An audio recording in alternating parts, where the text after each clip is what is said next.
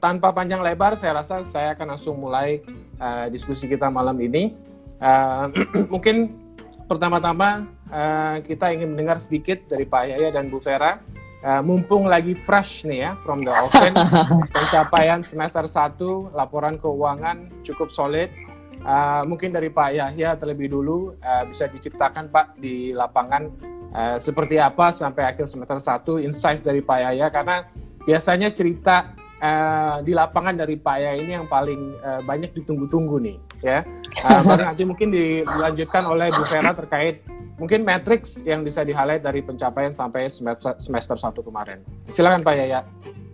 Terima kasih Mas Pandu. Assalamualaikum warahmatullahi wabarakatuh. Salam sejahtera, Om Swastiastu, nama budaya, salam kebajikan.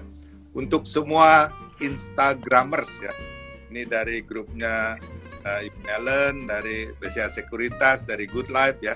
Kita bergabung 3 in 1 atau 4 in 1 nih, nggak tahu nih. Uh, All in one, Pak.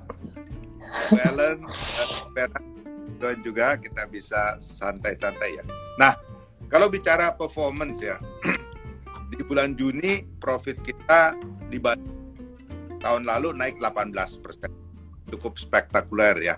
Tapi ada beberapa hal yang mungkin saya harus ceritakan apa yang terjadi di lapangan. Tahun lalu kita ingat sebelum COVID di Wuhan udah ada COVID, Indonesia belum ada COVID. First quarter, performance kita bagus.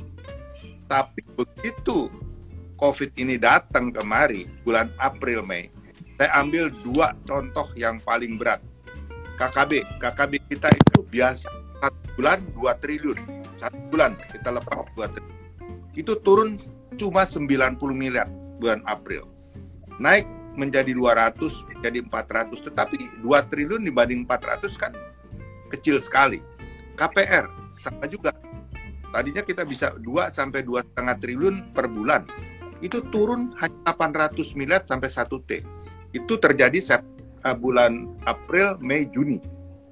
Q2. Nah, sebab itu kalau kita bandingkan Q1 tahun lalu dengan Q2 tahun lalu itu drop banyak sekali. Tapi kita bersyukur. BCA itu kan sebenarnya bank konvensional digital. Nah, jadi kita untuk memperkenalkan virtual dengan para dealer mobil. Ajak customer kita berikan interest yang terbaik. KPR begitu kita uh, coba adakan virtual expo pada bulan Agustus tahun lalu itu percobaan dulu ya.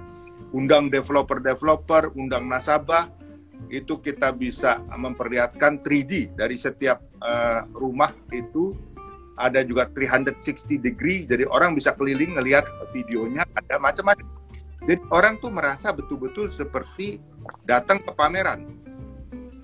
Nah, tapi apakah 100% digital? Enggak. Ternyata nasabah kita karena usianya mungkin ya dari yang 8 20 sampai 90 ada komplit pokoknya di BCA. Nah, enggak semuanya bisa end to end melakukan digital dari aplikasi sampai selesai proses. Hanya 30 persen 70% itu masih ditolong oleh kita Aro pimpinan cabang ya. Ini dan juga Halo BCA kita.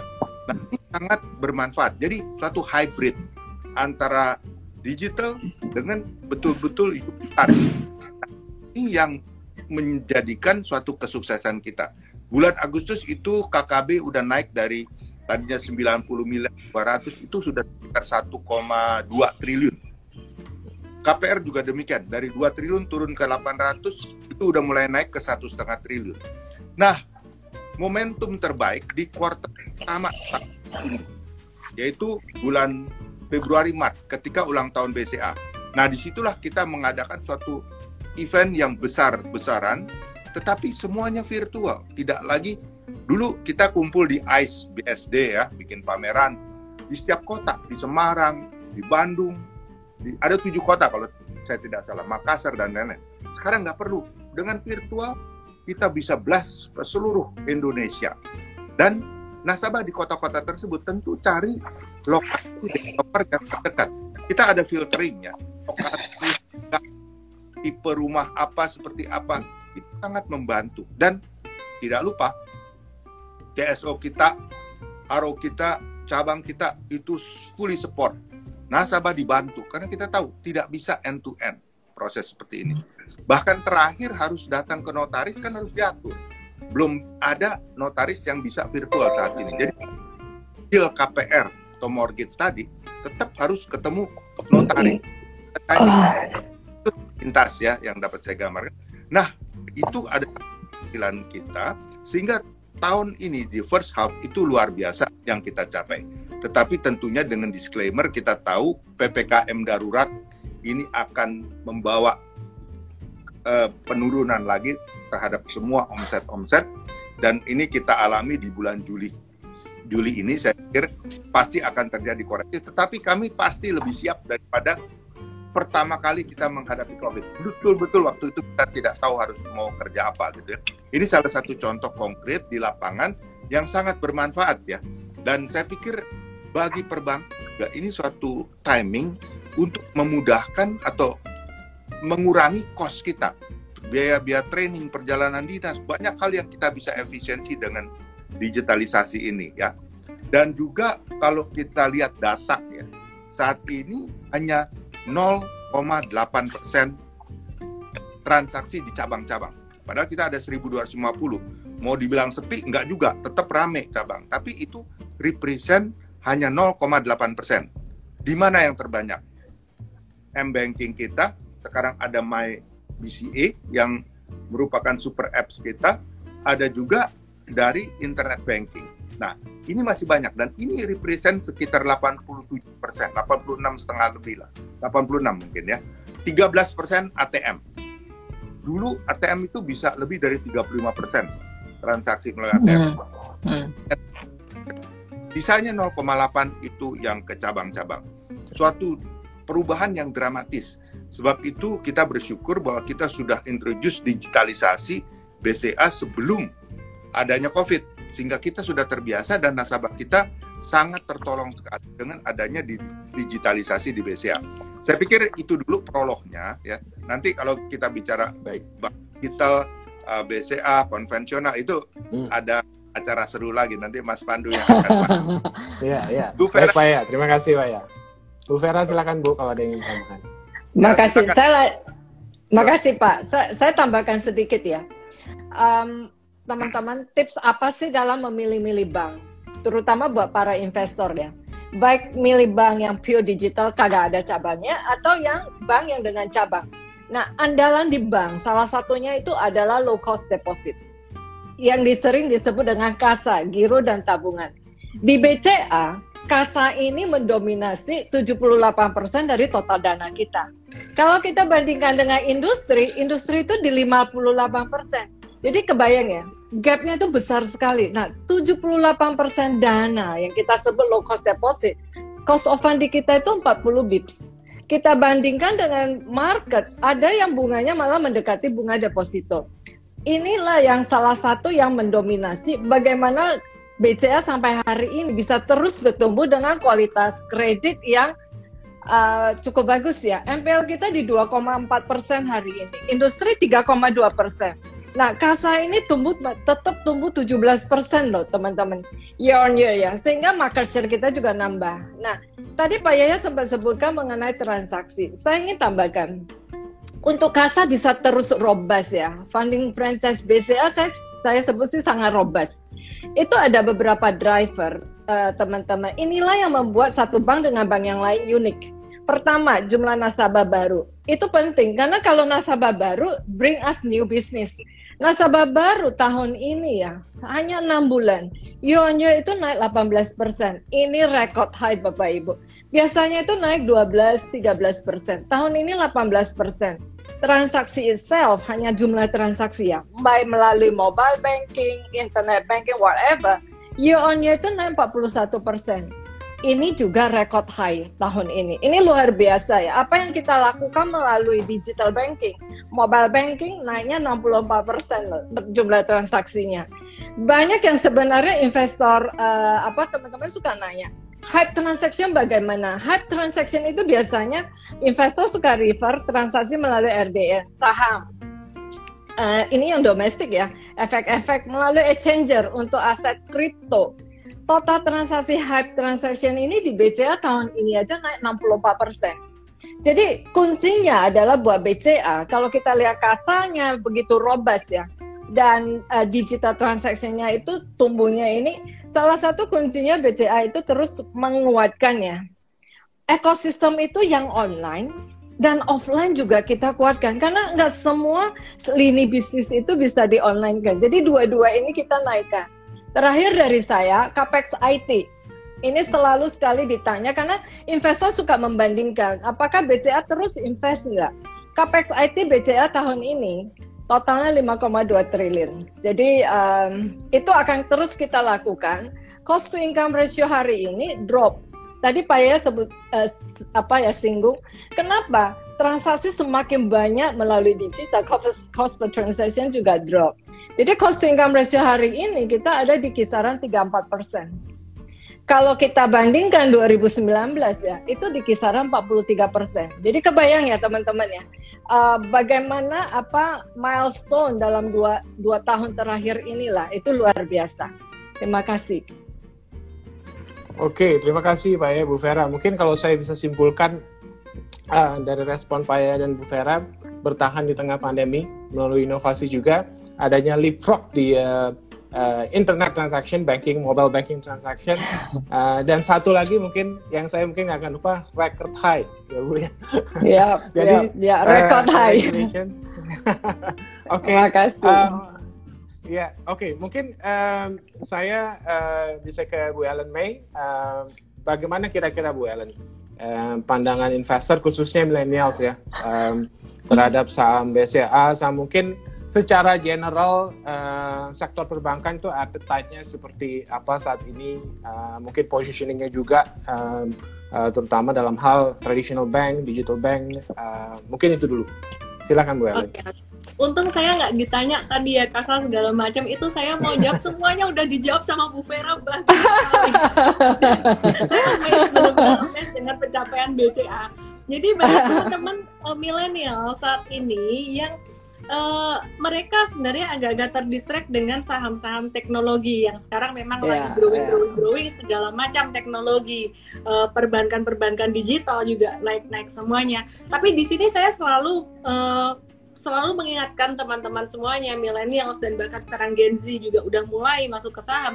Jangan lupa, jangan hanya mikirin short term aja, harus ada diversifikasi. Hmm. Untuk long term investing, Nah, untuk long term investing ini problemnya adalah teman-teman selalu berpikir, wah returnnya pelan-pelan nih, returnnya pelan-pelan nih, sampai akhirnya uh, kita kita coba untuk coba untuk mengarahkan memberikan satu edukasi. Oke okay, kalau mau investing long term sekarang mungkin disclaimer juga teman-teman ya. Bisa disikapi bahwa di saham ada uh, risiko apa yang saya katakan jangan semuanya langsung ditelan mentah-mentah semua ya.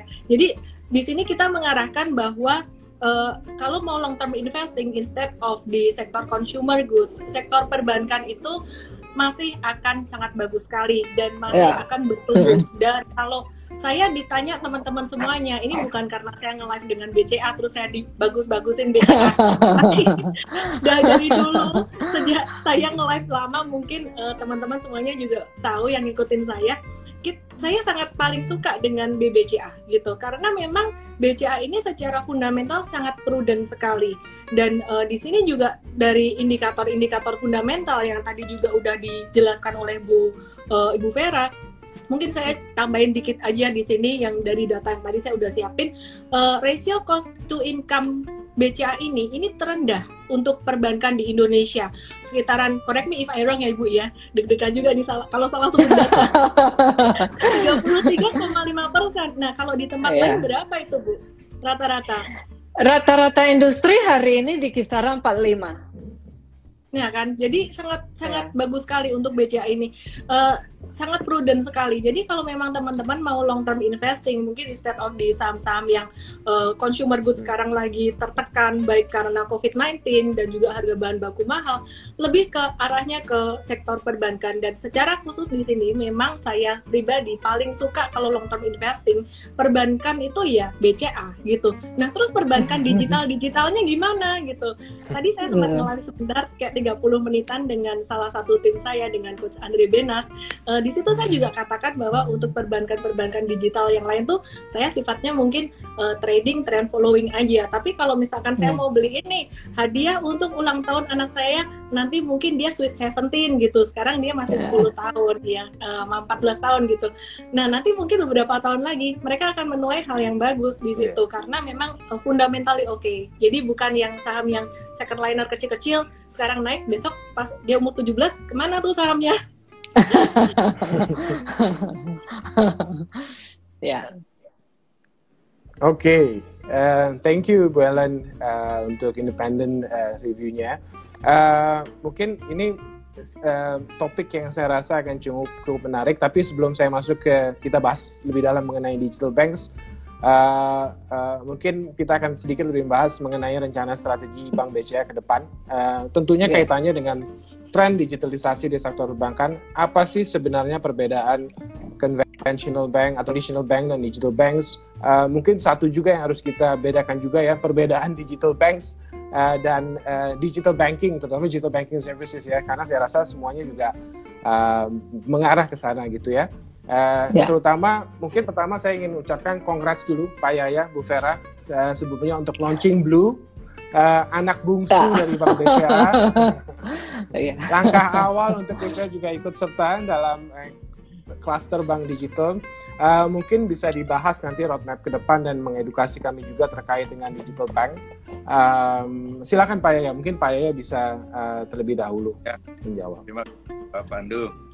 Jadi mungkin saya sedikit banyak bedakan dulu nih yeah. konvensional digital bank. Nah kalau kita lihat konvensional bank itu apa aja kerjaannya dan bisnisnya apa aja? Ada ke korporasi. Ini triliun-triliun pinjaman ya, infrastruktur, jalan tol segala macam kita bisa biayain di situ. Kemudian kalau bicara corporate, itu tentu ada derivatifnya ada forex transaction, mm. ada mm. transaction, di mana itu semuanya menghasilkan fee base. Ya, itu ada di conventional bank. Bisnis komersial, komersial itu kita classified biasanya bisnisnya besar, cuman terbatas regional di Raja Jawa Timur, yeah. di Kalimantan mm. Selatan, you know. Kemudian ada juga yang SMI, nah, ini sebar ke mana-mana. SMI masuk juga yang kecil-kecil dan menengah ya. Plus ada KPR, tadi saya sudah sebut, ada KPR, ada KKB, jualan mobil dan kredit rumah. Plus ada kredit card dan payment. Payment itu kalau tadi saya jelaskan ya, sudah tinggal 0,8 persen yang datang ke cabang. The rest mobile banking, internet banking, uh, apa namanya, my my BCA baru. Jadi basic that is all the business of conventional bank di mana kalau kita lihat ya pay, payment business yang nanti akan menjadi fokus digital bank dan juga loan yang mungkin segmennya jauh lebih kecil, lebih ke arah individual. Rasanya kalau PT-PT besar bisa sih pinjem, tapi pasti nggak pakai aplikasi minjemnya. Ditawarin secara konvensional, didatangin, ditawarin, mungkin digital bank juga sekarang ke depan ya. Tidak semuanya secara aplikasi. Pasti ada juga tim marketing nawar-nawarin deposit gede susah dah ngarepin dari aplikasi. Nah yeah. kita bedaannya nah kemudian ada isu katanya begini kalau konvensional bank itu geografiknya harus banyak cabang. Kalau digital hanya satu cukup. Nah, sebenarnya kenapa bisa begitu? Karena masalah open account. Nah, sekarang di BCA pun open account udah nggak harus datang ke cabang. Dari kita mulai ratusan per hari, sekarang udah sekitar berapa Bu Vera? 10 ribu ya. 10 Iya. ribu account, 10 ribu loh per hari kita bisa open account dengan online tanpa harus datang ke cabang. Kalau dulu memang kita butuh widespread cabang untuk mereka datang dan buka account misalnya. Tetapi fungsi ada lagi yang lain, yaitu big cash transaction. Kalau yang kecil-kecil kita ATM banyak.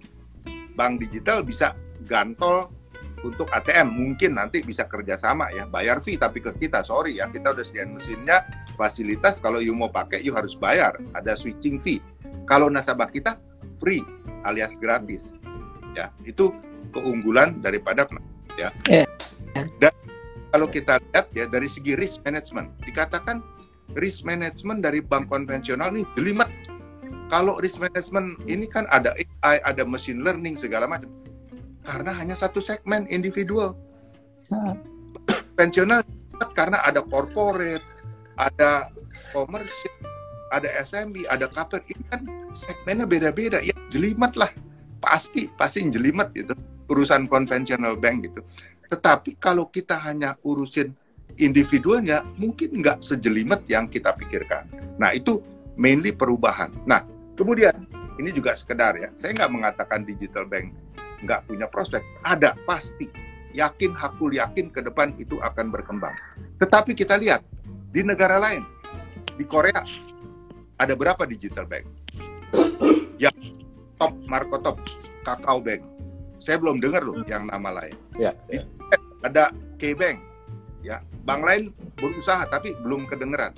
Di Cina ada WePay, ada Alipay, ya mungkin kenempet ini bisa bank dari 1,2 miliar cuman dua tiga mungkin ada empat lah di Cina yang lain yang dua lagi saya belum dengar siapa bayangkan bahwa di negara Indonesia dengan 260 juta manusia ya people pasti akan ada yang berhasil. Tapi mau berapa banyak? Apakah bisa lebih dari 3, 5, 10 nah ini kita lihat di negara-negara yang sukses digital banknya itu bisa dihitung dengan satu tangan pun nggak cukup. Cukup. Satu ya, karena nggak sampai lima yang topnya gitu ya. Nah ini salah satu untuk membandingkan juga untuk ke depan. Nah sekarang Yeah. kalau kita nah, digital bank karena kita juga baru lahir tanggal 2 Juli kemarin ya digital bank BCA nah apa sih persyaratan suatu digital bank kalau mau dilihat career path-nya yang bagus ke depan? Pertama harus produk. Mesti. Karena kalau produk jelek orang langsung lupakan nggak user friendly orang lupakan. Nggak bisa apa-apa orang lupakan. Produk ya kedua produk ada harus ada yang pakai. Critical mass. Harus punya mass. Punya jutaan customer. Kalau hanya puluhan ribu ya nggak akan ada. Gitu kan? Ratusan ribu pun nggak ada gaungnya. Harus jutaan. Nah apakah dengan produk bagus critical mass ada bisa jalan? Ya enggak. perlu ada merchant ekosistem. Itu kita akuin. Perlu adanya ekosistem merchant-merchant yang menerima payment system ini. Baru terjadi perputaran payment itu baru jalan. Apakah nggak itu cukup? Nggak cukup.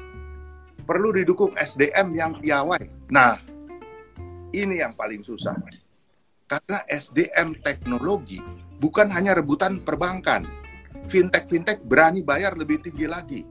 Bukan hanya di dibajak pun orang-orang di high daripada fintech bisa dibajak ke luar negeri.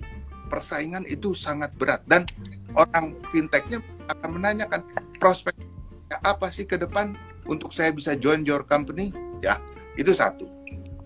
Terakhir yang saya lihat ya, capital permodalan ya kita tahu investasi di digital itu tidak murah perlu dana plus pada waktu startup ada kredit belum ada fee base. Nasabah masih sedikit perlu hidup. Harus taruh di SBN harus taruh di BIN yang bisa mendatangkan uh, sedikit margin dari situ ya.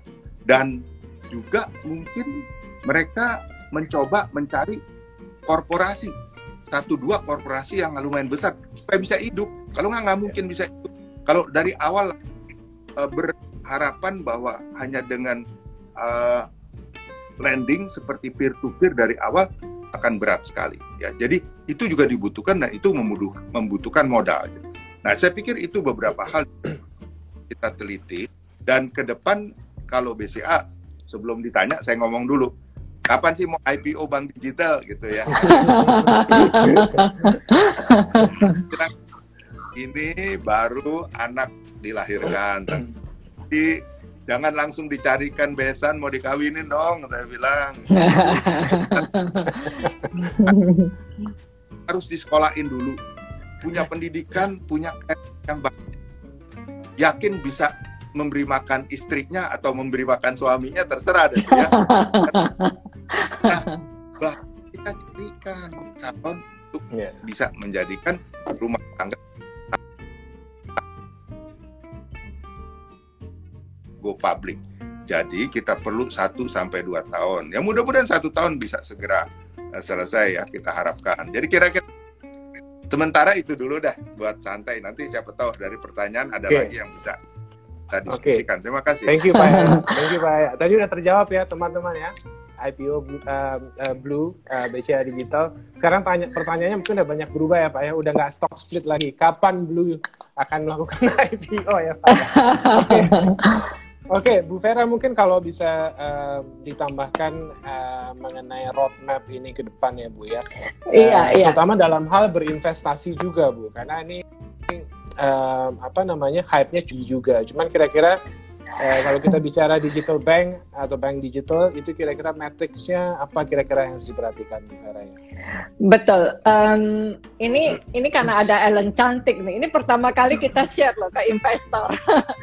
nah, uh, eh, BCA sebenarnya ya kita baru saja meluncurkan uh, apps generasi baru jadi ada tiga sebenarnya. Ada My BCA. Hmm. My BCA itu untuk kita kita individual customer. Uh, kedua, kita baru juga luncurkan namanya merchant apps. Kita tahu hari ini banyak sekali yang bicara mengenai merchant. Yeah. How powerful the data of the merchant. Nah, kita lakukan uh, baru luncurkan merchant apps. Another one is for business ya, my apps, uh, my BCA business. Tiga apps ini sebenarnya kalau kita bandingkan dengan bank digital yang nggak ada cabang, yang di yang di tap sebenarnya target customer is pure retail. BCA beda. Kalau untuk retail customer seperti kita kita consumer customer itu di my BCA apps ya. Tapi kalau bisnis, bisnis itu dulu klik BCA ya. Sekarang kita mulai mau yeah. memperkenalkan klik bisnis uh, My BCA Bisnis. Nah, solution apa sih yang akan keluar di second half semester ini ya? Untuk My BCA Super Apps, pasti teman-teman udah rasain ya. One single ID, you can do a lot new things, including buka deposito online. Nah, yang akan kita planningkan di, di second semester ini untuk My BCA Apps, untuk kita-kita yang individu itu, Salah satu integrate dengan digital investment. Kita udah ada My uh, Wellma untuk wealth management product apps. Nanti kita akan integratedkan. Ada remittance. Kita lagi pikirkan remittance juga kita bisa lakukan melalui mobile uh, My BCA mobile banking ya. Itu bisa FX. Kemudian ada juga personal financial management untuk kita kita nih. You can see your portfolio, how the portfolio perform dan sebagainya. Gamification karena ini adalah another trend, another hype jadi promotion and reward offers bisa dilakukan juga. Dan untuk merchant apps, um, nggak nggak saya nggak li, lihat ada yang udah lakukan. Karena kenapa? BCA ini kan melayani bisnis dari corporate hulu ke hilir, corporate sampai ke yang individu customer. Ekosistemnya, supply chain-nya komplit di dalam di BCA, sehingga apa pun yang kami luncurkan mau touching individu customer or either you are business customer it's just to to to to integrate ya. Nah, merchant solution itu itu in one platform hari ini kita mau lakukan. Jadi digital onboarding buat yang mau berbisnis baru ya. Kan perlu dong QR. Perlu dong kadang apa EDC machine or whatever. You can apply through digital. Ini kan efisien dan murah buat pebisnis ya. Yeah. Apalagi yang banyak masuk ke bisnis online kita juga rencana akan masukkan ke merchant apps itu store management. So you can know your inventory, you can know your sales report dari apps kita. Jadi make it become convenient kan. Terakhir untuk My BCA Business. Bisnis ini community-nya besar sekali. Jadi kita nggak hanya melayani satu type of customer. Mau bisnisnya di commodity, ada you are in the business of education, itu juga masuk dan range bisnisnya itu very broad. Nah itu kita handle one by one. Tentu apps-nya ada unik-uniknya beda. Nah untuk bisnis kita juga akan kita juga pikirkan juga seperti payroll solution untuk nasabah bisnis unit Bisa juga corporate dashboard, melihat cash flow summary-nya dan sebagainya. Even kita pikirkan juga accounting system ya, biar ada GL-nya loh buat pebisnis. Nggak usah pusing-pusing ke mana. So when you launch to the apps, bisnisnya, jadi uh, integrated, we have the customer ya. Ini yang mungkin kalau bank digital yang hanya handle retail bisnis ya nggak ada. Karena ekosistemnya nggak ada, nggak tercreate. Sehingga di situlah uh, apa ya bedanya dengan bank yang dari corporate sama SME entire supply chains itu bisa di tap either digital or non digital. Nah itu yang kita uh, kita akan terus kembangkan. Thank you, thank, thank you Bu Vera. Oke, okay. uh, ke mungkin saya uh, sambung ke Bu Ellen ya Bu ya. Uh, memang ini bagaimana kira-kira Bu, uh, investor harus menyikapi uh, tren perubahan di sektor perbankan uh, serta outlook ke depan untuk uh, digital bank karena kita harus melihat kira-kira faktor apa saja yang diperhatikan agar investor tidak tercemplung dengan uh, fairy tale atau cerita dongeng gitu ya karena ini uh, cukup banyak juga yang melakukan sama kan uh, yeah. yang kedua mungkin uh, mungkin satu lagi tantangan atau resiko di sektor perbankan khususnya digital banks uh, uh, dalam hal uh, pemilihan uh, portfolio untuk investasi di saham. Go okay, ahead, okay. Oke, jadi kalau kita lihat saat ini ya milenial ini kan sangat suka sekali dengan digital stock atau growth stock karena hmm. uh, alpha returnnya yang cukup besar juga gitu. Hmm. Dan juga story untuk sentimen digital ini sangat uh, hype banget. Jadi satu katalis market yang paling paling hype dalam dua bulan terakhir ini. Nah, memang bank digital ini akan digandungi oleh uh, masyarakat ya, terutama milenial karena uh, semuanya bersaing memamerkan ekosistem, ada merger and acquisition yeah. here and there. Uh, siapa bisa melakukan akuisisi customer akan bisa uh, dianggap menjadi juaranya atau menang di era digital ke depan. Cuman ya hmm. kalau saya pribadi melihat uh, seperti yang saya katakan tadi sebagai seorang investor, seorang uh, trader, investor yang independen, saya melihat kita kan nggak ngerti ya saham-saham yang sekarang lagi hype ini banyak sekali yang nanyain sebenarnya. Ini secara revenue, secara profitability mereka juga masih struggling gitu. Uh, mereka di, di mereka dinilai positif, mereka dinilai bagus tuh kan karena rencana, rencana pengembangan ke depan yang which is kita sendiri juga masih belum tahu gitu. Jadi menurut saya sih teman-teman di sini harus bijak dalam melakukan diversifikasi dan menentukan timing exit di dalam uh, beli satu saham gitu. Seperti yang saya bilang tadi, kalau saham-saham yang secara fundamentalis, secara revenue, secara uh, profit prudennya dia kurang kurang ini, kurang prudent gitu, mungkin harus dikombin dengan analisis teknikal. Jadi something bad happen turun dengan volume transaksi besar, sebaiknya exit atau kurangi posisi. Sebaliknya, ini saya independen ya teman-teman. Jujur, aku nge-live ini aku nggak dibayar, aku nggak nggak ini dan sebuah kehormatan buat saya nge-live di sini. Ini dari dulu saya selalu bilang bahwa BCA kalau semakin turun semakin dibeli teman-teman. Jadi caranya gimana? Uh, langsung all in masuk jangan gitu. Tetap harus ada manajemen risiko. Uh, misalkan ya. setiap bulan mau nambah itu boleh. Nah, di sini BCA secara teknikal mungkin saya bahas sedikit buat teman-teman yang mau hmm. beli karena dari tadi ini kok komennya mengerikan semua, mintanya tuh diskon banyak, Pak. Jadi mau pesan BCA 27 ribu dan seterusnya. Jangan teman-teman. Kalau BCA 27 ribu IHSG gimana nanti? Iya, jadi BCA ini sekarang udah disupport kuat level uh, 29.900 di 30.000 sampai 31.000. Ini satu level yang cukup ideal secara teknikal uh, untuk teman-teman boleh mulai nyicil beli buat investasi. Sekali lagi mesti bijaksana. Kalau kita nge-live malam hari ini dan teman-teman tahu saya suka BCA, jangan langsung di HK abisin semua uang langsung ambil semua deposito dari bank juga tetap harus ada uh, diversifikasi gitu tapi technically udah sangat murah sekali teman-teman dan saya sangat percaya kan banyak yang nanya ya, kenapa sih uh, perusahaan sebagus ini kok sahamnya nggak naik-naik? Saya percaya semua semuanya ini bicara tentang siklus gitu. Ketika nanti COVID-19 sudah mulai reda, saya percaya perusahaan-perusahaan yang premium seperti ini uh, pasti akan diburu dulu, terutama oleh investor asing. Sekarang investor asing tuh belum masuk ke Indonesia, mereka masih lebih tertarik pada negara-negara yang secara COVID-19-nya udah mulai reda kayak di Amerika, di Eropa, di mungkin di China juga gitu.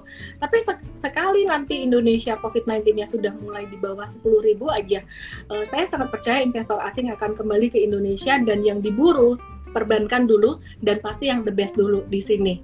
Nah, jadi kalau ditanya uh, itu tadi uh, strategi di dalam investasinya, yeah. kemudian yang kedua kalau ditanya tentang tadi uh, diversifikasi ya Pak ya mungkin dibandingin dengan reksadana atau investasi yang lain gitu hmm. Pak Pandu. Mungkin mana pertanyaannya? Iya jadi kalau dibandingin dengan investasi yang lainnya gimana? gimana? Iya, tadi mungkin pertanyaannya dibandingin dengan investasi yang lain gitu atau gimana untuk diversifikasi? Dengan reksadana ya, atau eh, gimana? Khususnya di saham saja. Khususnya saya rasa udah Ibu Ellen jawab tadi mengenai diversifikasi, diversifikasi hmm. uh, pure di saham. Uh, terutama di digital banks uh, antara digital banks dan conventional banks ini kan sebenarnya ada overlappingnya juga ya. Jadi benar, benar. Uh, saya rasa tadi sudah dijawab sama Bu Ellen. Yang menarik satu lagi, yang menarik satu lagi yeah. dari bursa ini kan ada uh, ada pergantian cara penghitungan untuk weighting index. Nah, uh, saham-saham yang tadinya berkapitalisasi besar itu memiliki atau memberikan kontribusi indeks yang besar terhadap uh, penghitungan IHSG dan juga S25. Mm. Yeah. Tapi belakangan ya kita uh, bursa tuh menggunakan uh, free float ya, menggunakan penghitungan yeah. free float juga. Dan saham-saham yang free floatnya kecil itu dari consumer good makanya semakin turun karena sepertinya uh, investor-investor besar reksadana mereka juga melakukan rebalancing. Nah BCA ini yeah. dia punya free float besar, makanya dia bisa bertahan gitu. Oke, okay. oke, okay, thank you so much Bu Ellen, uh, very clear ya uh, teman-teman semua ya penjelasan dari Bu Ellen. Uh, dan ini saya rasa uh, session yang paling ditunggu ya, uh, sekalian pengumuman pemenang uh, karena pertanyaan yang akan kami sampaikan sekaligus akan menjadi pemenang yang akan dipersembahkan oleh uh, eh, BCA Good Life ya. Nah, uh, mungkin pertanyaan pertama saya tujukan ke Ibu Vera dulu kali ya Bu ya. Uh, ini uh, penanyanya adalah at impostor underscore Wilson ya. Selamat uh, imposter Wilson um, uh, menjadi salah satu uh, pemenang untuk hadiah dari BCA Good Life.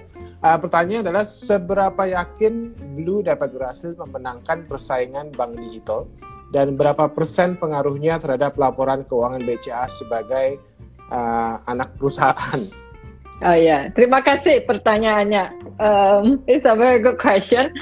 Kalau saya jawab dulu yang kedua ya. Kalau kontribusi, hmm. Pak Yahya tadi bilang ini baru bayi lahir. Jadi uh, yeah. Uh, untuk kita bicara tahun ini belum belum terlalu. Tapi kan kita sangat fokus untuk bagaimana membesarkan BCA digital karena ini is a pure apa ya uh, test juga ya buat sebenarnya buat Indonesia how successful will be a digital bank a bank without any branches. Jadi itu uh, is a is a true test juga untuk market Indonesia. Nah, dalam hal ini kita ambil kesempatan juga. Karena kenapa?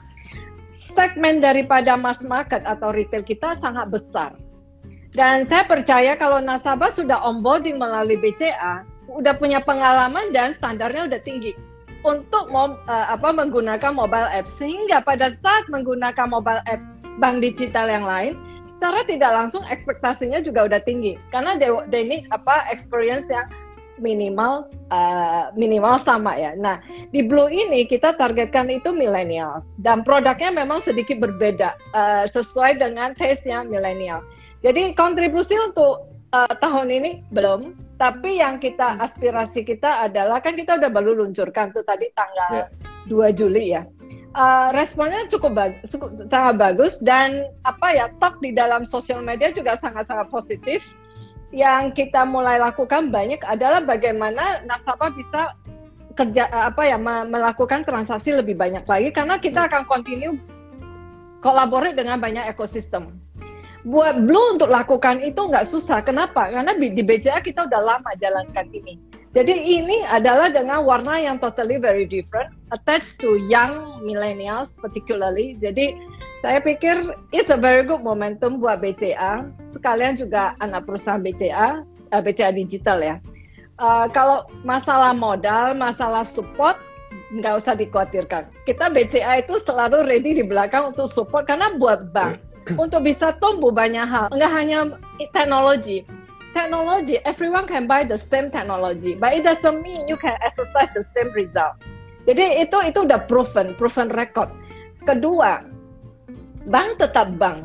Jadi kalau misalnya when you are onboarding do the transaction, ada problem mesti ada yang standby untuk help solve the problem. Beda ya kalau kita belanja barangnya nggak suka, kadang kita bingung mau komplain ke mana. Di bank nggak bisa, Ellen. Di kita juga diawasi OJK. Jadi uh, bagaimana nasabah kalau nggak ada transaksi yang nggak menurutnya nggak pas, they can they can apa? Nah, dulu hari pertama lahir dia udah disupport dengan call center yang kelasnya se sekelas dengan Halo BCA jadi itu kan top banget buat nasabah. Jadi nggak usah khawatir bertransaksi melalui Blue. Saya yakin apa um, apa yang sudah didapatkan di BCA akan kelihatan di Blue dan mungkin lebih menarik karena itu sesuai dengan lifestyle-nya milenial. Mungkin boleh okay. saya nambahin dikit nih ya. Silakan, silakan. Ya, silakan. Uh, kalau saya perhatikan ya bedanya BCA dengan mungkin bank-bank digital yang lainnya ya BCA ini uh, full bank, corporate bank gitu. Jadi bukan cuma retail gitu ya. Nah kalau yeah. bank digital itu kan branchless, uh, eh, BCA ini ada branch gitu ya dan nasabahnya juga uh, full semuanya. Jadi saya rasa juga pastinya lebih lebih kuat, lebih lebih prudent lah teman-teman. Iya, prudent udah pasti Ellen karena uh, itu bagian dari BCA. Kalau support, support modal dan sebagainya nggak usah dikhawatirkan karena it's part of BCA anyway gitu loh. Jadi ya. Boleh nanya nggak okay. Bu? Sama Pak Boleh silakan. Ini pertanyaan terbesar dari teman-teman investor retail. Kapan nih uh, bank digitalnya di IPO-in? Uh, Pak Yaya tadi kayaknya udah kasih hint deh Pak. ya, jadi kita kan berprinsip ya bahwa untuk bisa menjual saham ke masyarakat itu perlu permodalan yang kuat ya. Saat ini baru satu triliun. Yakin kita harus tambah ya. modal dan kita ya. juga harus mengembangkan satu ekosistem. BCA sendiri sebenarnya sudah punya. Kita punya 500 ribuan lah merchant. Kemudian nasabah BCA 20 juta. Saya nggak tahu berapa yang bisa dapat nanti di ini apa di BCA di digital untuk mengcreate critical mass itu penting saya pikir. Dan kita juga erat dengan banyak sekali ekosistem yang sudah ada di pasar. Nah itu kan digandeng, colek atau apa itu kan akan memperkaya persiapan kita. Jadi untuk menjadi bank yang public company, saya harus betul-betul tidak hanya cerita.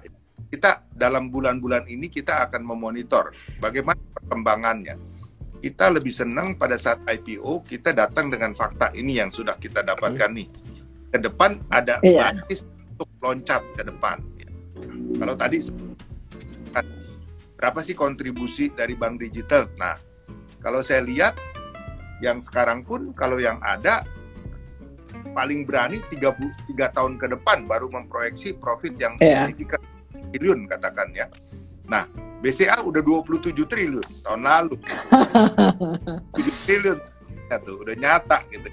Tiga tahun lagi udah berapa yeah. naik berapa lagi. Ya. Nah, digital kita juga mau begitu. Kita start from the foundation itu paling penting. Jadi kalau kita mulai tidak dengan fondasi yang kuat, digoyang angin sedikit rubuh. Jadi kita harus betul-betul kuat, fondasi, harus sabar, harus ada track record, baru kita bisa bikin satu story ke depan yang akan kita penuhi. Selama ini kenapa ya itu dipercaya oleh foreign investor? Karena kalau lagi jelek kita bilang jelek tuh kepada para investor, hmm. terutama keadaan market. Kali bagus kita bilang bagus. Dan luar janji-janji kita kita bisa that's why foreign investor juga banyak sekali yang uh, suka untuk invest di BCA kira-kira begitu oke okay. ya Oke, okay, cukup clear ya uh, teman-teman uh, semua. Uh, Pak ya, Bu Vera, thank you. Uh, mungkin uh, next question uh, dari at FJR Haman. Mungkin ini saya tujuan ke Bu Ellen ya, karena pertanyaannya sepertinya lebih uh, cocok untuk Bu Ellen nih. Manakah yang lebih baik, invest di saham, reksadana dengan berbagai emiten, atau langsung invest uh, BBCA saja langsung? Oke, sulit, sulit kan jawabnya. Karena di setiap reksadana okay. pasti ada BCA juga, Bu. Gini gini, reksadana pasti ada BCA pasti. Uh, cuman gini teman-teman, yang pertama tuh teman-teman kalau di reksadana itu kan memang kayak uh, pizza gitu ya, isinya banyak yeah. gitu. Uh, kalau nggak mau ngamatin saham secara langsung, mungkin reksadana bisa jadi pilihan. Tapi manajemen fee-nya kan besar dan juga di situ returnnya nggak sebesar investasi saham secara langsung. Nah, kalau misalkan teman-teman mau investasi saham secara langsung, di sini milih sahamnya juga harus ekstra hati-hati, terutama market lagi bearish seperti saat ini, yeah. ISG sejak Januari, ekstra hati-hati. Nah kalau, nah ini ini jadi saya nanti dikira ini nih, di saham kalau mau long term investing, uh, kemarin beberapa bulan yang lalu saya sempat katakan kalau takut investasi di saham nyangkut, beli saham A, saya nggak mau sebut uh, valuasinya udah murah, perusahaan bagus, tapi kalau turun terus, meskipun valuasi murah, uh, turun terus, turun terus dan turun terus. Nah, uh, kalau teman-teman mau peace of mind, investasi jangka hmm. panjang, kali lagi teman-teman disclaimer ini saya pribadi ya, BCA itu bisa jadi salah satu uh, pilihan yang sangat baik untuk long term investing. Pastinya teman-teman kalau mau diversifikasi, kadang-kadang uh, gini nih banyak teman-teman investor jiwanya trader maunya uh, cuan tapi cuannya maunya cepat-cepat jadi kadang-kadang kan kita melihat market masih sideways gini nggak bisa cepat-cepat ya BCA juga masih sideways gitu. Nah bisa dikombin sebagian portfolio mungkin uh, untuk trading gitu. Jadi trading mau saham apa aja boleh. Tapi tetap BCA ini untuk long term investing harus punya ada di portfolio. Iya. Okay. Dan Ellen, Ellen mungkin yeah ada satu yang saya selalu belajar, don't put everything in one bucket. Benar. Benar, benar. Tapi yeah. di iya. basketnya tetap harus ada BCA-nya. Oke, okay. cukup clear ya. Uh, jadi at FJRHMAN ya. Uh, kemudian pertanyaan ketiga dari uh, at hey underscore istraini ya. Uh, mungkin ini ke Pak Yahya ya Pak ya. Uh, era digital memang praktis, namun juga rentan dengan cybercrime. Apalagi banyak kasus rekening dijebol hacker. Uh, gimana cara BCA mungkin memastikan keamanan transaksi digitalnya bagi para penggunanya? Silakan Pak Yahya. Ya, terima kasih. Tanya sangat bagus. Jadi gini, pengalaman saya selama di BCA misalnya, kalau internal sistem kita, kita punya, kita build security firewall yang cukup uh, susah ya untuk ditembus ya. Hacker mencoba, bukan nggak ada, uh banyak sekali, tapi syukur ya kita, memprotek. Nah, yang kedua, namanya digital transfer itu harus ada telco. Ini juga sasaran untuk di hijack. Tapi yakin, aku yakin, telco juga punya security yang cukup ketat Nah, titik terlemah itu di customer. Ini yang bukan main capeknya kita. Kadang-kadang tidak ada PC jangkrik, ada PC mahal. Kalau PC jangkrik itu gampang sekali ditaruh Trojan virus. Trojan ya. virus itu, itu muncul aplikasi BCA ya dulu kalau internet ya, oh langsung diganti sama mereka dan itu semua bisa terjadi bukan di BCA-nya di nasabah dan nasabah ini sangat lugu. Diminta PIN berkali-kali, dia kirim lagi, kirim lagi. Padahal itu dibalik Trojan file tadi, dia melakukan transaksi, disedot uang nasabah. Bukan di basic, bukan di uh, apa namanya uh, telkonya. Dan kita juga jangan lupa ya, semua transaksi itu kita encrypt dan decrypt. Ya, jadi kalau di hmm. tengah-tengah hijack, hmm kelihatan angka ataupun di hijack. Tapi kalau di N sana di mana sudah decrypt lagi lalu si nasabah melakukan hal-hal yang kurang pandai, saya nggak berani bilang bodoh, kurang pandai. ya. Terus ada yang minta OTP dikasih, ada yang bilang padahal dia belum pernah belanja di satu Shopee, dah saya bilang belum pernah belanja di Shopee, tapi dipakai nama Shopee, Anda mendapat hadiah dari Shopee, percaya loh, padahal dia nggak pernah belanja di situ. Itu jadi hal-hal yang lucu dan aneh, tetapi terjadi. Jadi selama ini kita bersyukur belum pernah kita dihack di dalam. Tapi kalau nasabah kena tanda petik hack karena di PC-nya atau di mana gitu ya, kelalaian OTP itu banyak banyak banyak terjadi dan selama itu bukan kelalaian nasabah pernah kejadian seperti ATM ya.